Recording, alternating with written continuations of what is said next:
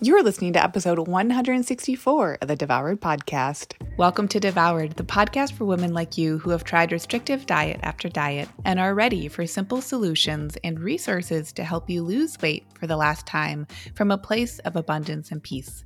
If you're looking to end the yo yo of comfort eating and rigid weight loss protocols and instead step into living your life on your terms while losing weight in the process, you're in the right place.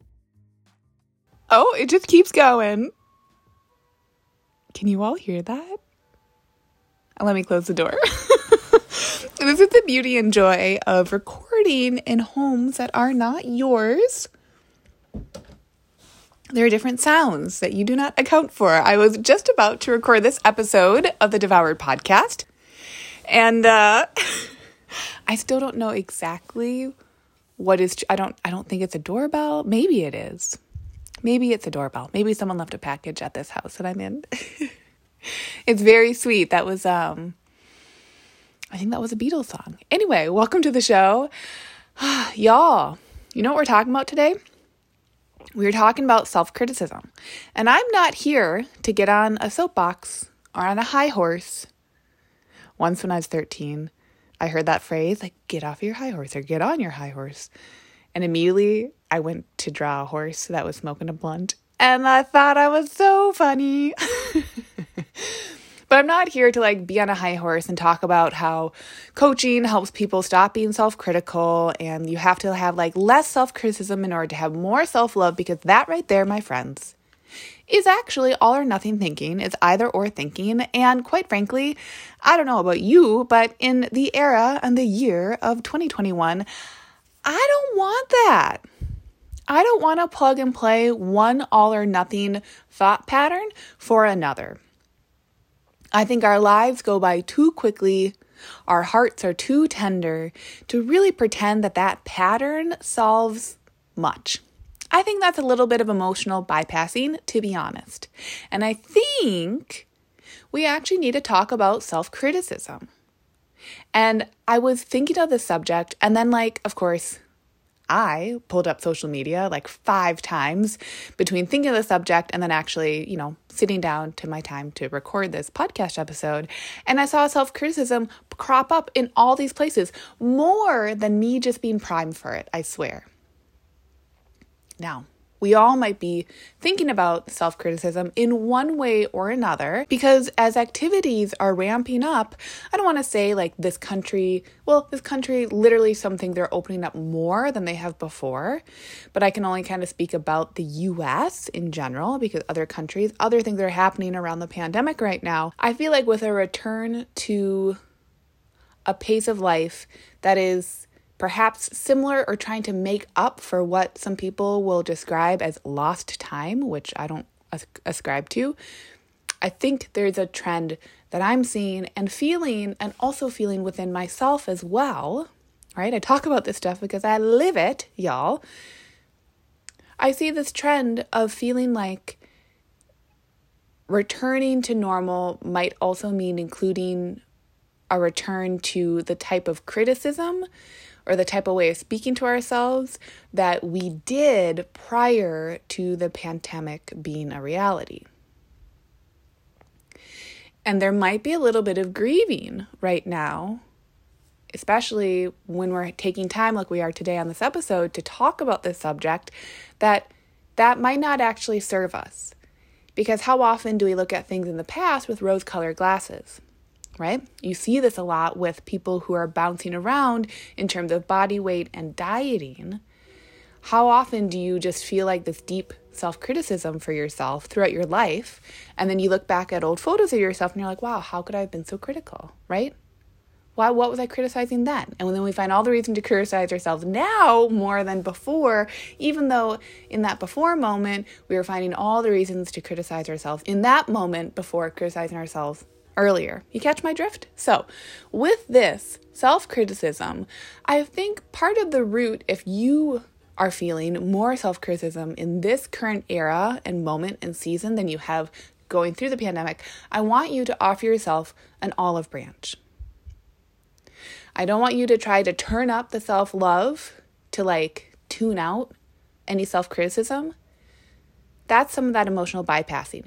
Yes, there are tangible things we can do. When we're not feeling so great in our energy, there are things that will literally turn our energy around. Things like dancing, things like humming, like singing. Those all stimulate our vagus nerve, that nerves that run from our cranium, our brain, through our neck down into our trunk. Our bodies respond. We love music. We love art for a reason. We love smells. Smells are profound. Essential oils, right? Favorite nostalgic smells. Cookies baking in the oven. We can't pretend that we're just these brains that happen to exist in our physical bodies. That's so detrimental to like how beautiful our bodies work in synchronicity with one another. So, I'm saying all this because I'm trying to set the landscape for this subject that self criticism is simply a tool that your brain uses. And likely, self criticism is no longer actually the tool that you need for the job. The job being the pursuit of your goals that feel good enough as you try to get to them. Self criticism may have served you in the past. And so it might feel like a very familiar tool. It has a worn down handle because you've grabbed it a million times before, but it just feels like it doesn't really do the job you need. And so, what I want to offer to all of you is that self criticism, we don't have to criticize it for the role it can play.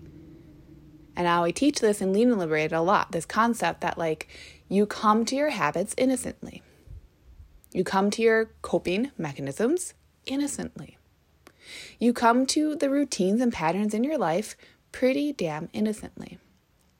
And this is where thought work, which is a lot of what we talk about here, becomes so incredible because we cannot deny the innocence that we had when we, say, reach for a bag of chips the first time that we felt an emotion that we didn't understand how to handle. Maybe we were quite young. And maybe the bag of chips, because we had the privilege of living in a house where there were chips, maybe that bag of chips was the closest source of comfort that you could offer yourself, right? It was the closest tool that you could use. So, self criticism might be that layered on tool where, when we're looking back and trying to understand the patterns in our lives, we might decide, man, I can't believe I was such a glutton. Why did I reach for that bag of potato chips? What's wrong? See how self criticism is just trying to make sense in that scenario? Or going back to the example I gave a couple minutes ago of looking at old photos of ourselves and wondering, man, why did I hate myself so much in that photo? What was I thinking? While we're hating ourselves in the present moment, right? Doing that comparison. Self criticism is just trying to make sense, probably of a deeper emotion that doesn't feel as streamlined or as logical to experience. Maybe like grief, maybe like sadness maybe like loneliness. So, what would happen in your life this week if you were to allow yourself to understand the concept of self criticism as not something you have to have less of in order to be more evolved or more yourself? Like boring, yuck. But what if self criticism, when you recognize that you are engaging in self criticism, you're being critical of yourself, the words you're saying as you're walking past the mirror, the thoughts going through your head when a photo of you comes up, or when you pull up your phone to do an Instagram story, or whatever it is, when you're comparing yourself as you're scrolling social media, when you're looking back at your day and you didn't read the book, or you didn't wake up earlier, you did this and you didn't do that. What about in all those moments, instead of saying, Why am I so self critical? I shouldn't be. See that sneaky should right there? What about instead we try something different this week? What about if we get to honor every time we notice we're offering ourselves self criticism? And first and foremost, what if we get to be so happy that we became aware of it in the moment? Or that when we were thinking about our day, we noticed, oh, yeah, when I walked past a mirror, I was self critical. Okay. How cool that I noticed that. Isn't it interesting that I noticed that? What if there's absolutely nothing wrong with self criticism aside from the fact that most of the time, none of us really need it to get where we want to go?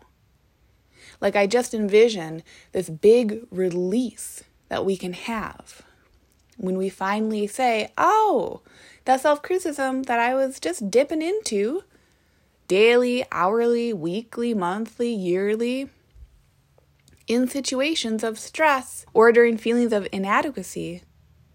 What if that was just my brain trying to give me a thought pattern, a way of thinking, a way of trying to look at my world that was trying to make sense of it? So, what if self criticism is actually kind of neutral? Now, I know that might feel really weird when I say that. I'm not, the whole point of this conversation, this episode, isn't for you to be like, mm, I'm going to become very neutral. No, we've got to experience our feelings just like we've got to experience our thoughts. And the more we experience our thoughts, the more we experience our feelings, the more we're going to be able to actually experience self criticism and understand once we do experience it, that like most of the time, it's just trying to provide us an insight that is like a little bit lacking. And that's okay.